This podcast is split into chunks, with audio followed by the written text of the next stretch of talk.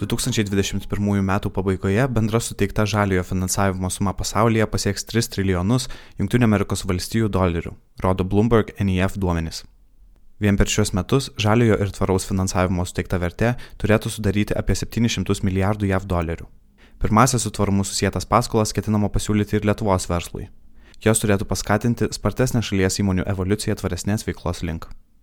Dar visai neseniai tvarūs sprendimai buvo laikomi papildomų žingsnių versle, kuris įmonėms pridėdavo reputacijos taškų, tačiau ir sudarydavo papildomas sąnaudas.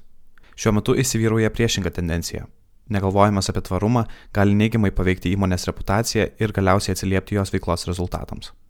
Be formuojamos naujos valstybių politikos ir aktyvios visuomenės dalies reikalavimų, verslą keisti skatina ir finansų rinkoje vykstantis procesai, kuriuose vis labiau įsitvirtina su tvarumu susijęs finansavimas.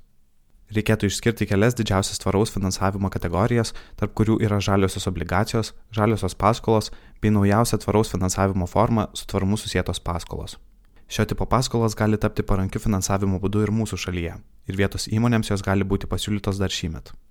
Esminis skirtumas tarp žaliųjų ir su tvarumu susijusių paskolų tas, jog žaliosiomis paskolomis gali būti finansuojamas konkretus turtas - elektromobilis, saulės elektrinė, energetiškai efektyvus pastatas. Jos gali būti naudojamos konkretiems įmonės tvarumo projektams įgyveninti ir kitoms tvarios veiklos iniciatyvoms.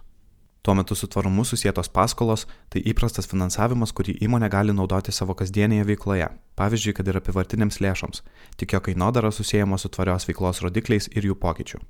Tai paskatina įmonę siekti konkrečių ir pamatuojamų tvarumo tikslų ir padeda jai pagerinti savo tvarumo profilį.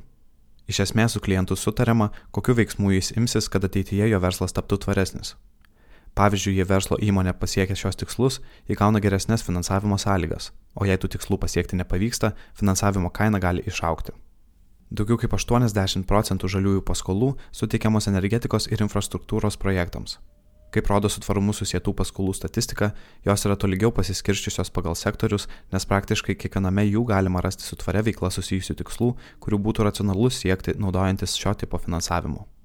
Su tvarumu susiektų finansavimu pasinaudojusių užsienio kompanijų praktika iliustruoja, kokių tikslų verslas gali išsikelti.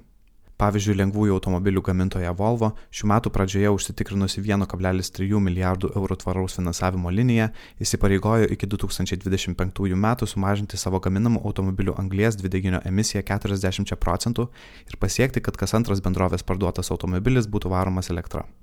Didžiausia pasaulyje gėrimų gamintoja InBev užsitikrinusi 10 milijardų JAV dolerių finansavimą įsipareigojo iki 2025 metų naudoti energiją tik iš atsinaujinančių šaltinių, pereiti prie 100 procentų perdirbamų arba gražinamų pakuočių, užtikrinti vandens prieinamumą su jo trūkumu susiduriančiose bendruomenėse. Nors aplinkosaugos ir socialiniai tikslai daug dažniau yra integrali naujai besikūrenčių verslų dalis, su tvarumu susijęs finansavimas, kaip rodo šie paminėti pavyzdžiai, gali tapti ir rinkoje gerai įsitvirtinusių bendrovių DNR dalimi. Tvarumas gali tapti tokią pačią vertę turinčiu rodikliu, kaip ir gamybos ar pardavimų tikslai. Įmonėje žalėjant, įgauna apčiuopiamos finansinės naudos - palankesnė skolinimosi kaina. Su tvarumu susijęta paskola siekiančios gauti įmonės turėtų būti pasirengusios į savo veiklos strategiją įtraukti tikslus, kurie atitiktų Junktinių tautų darnaus vystimosi tikslus arba Paryžiaus susitarimo dėl klimato kaitos nuostatas. Jos taip pat turėtų numatyti būdus tikslams išmatuoti. Nors su tvarumu susijėtos paskolos pasaulyje šiuo metu daugiausiai orientuotos į didelių bendrovių poreikius, atsižvelgiant vietos rinką, kai kurie finansuotojai, pavyzdžiui Svetbank, yra pasirengę adaptuoti procesus ir sudaryti galimybę dėl tokio finansavimo kreiptis įvairaus dydžio ir veiklos profilio įmonėms. Pabaigai reikėtų akcentuoti, kad su tvarumu susijėtos paskolos yra komercinė vertė turintis pasiūlymas. Pagrindinė jo nauda verslui - palankesnė skolinimosi kaina, kai jis savo realiais veiksmais parodo progresą siekiant tvaresnės veiklos. Be to, aiškiai apibriežti įsipareigojimai dėl tvarumo įmoniai gali padėti pasiekti geresnių rezultatų šioje srityje ir sustiprinti jos reputaciją. Šios paskolos naudingos ir finansuotojui, kuris gali užmėgsti ilgalaikius santykius su verslu, orientuotų į ateities perspektyvą ir pasirengusių prisidėti prie visiems aktualių problemų sprendimo.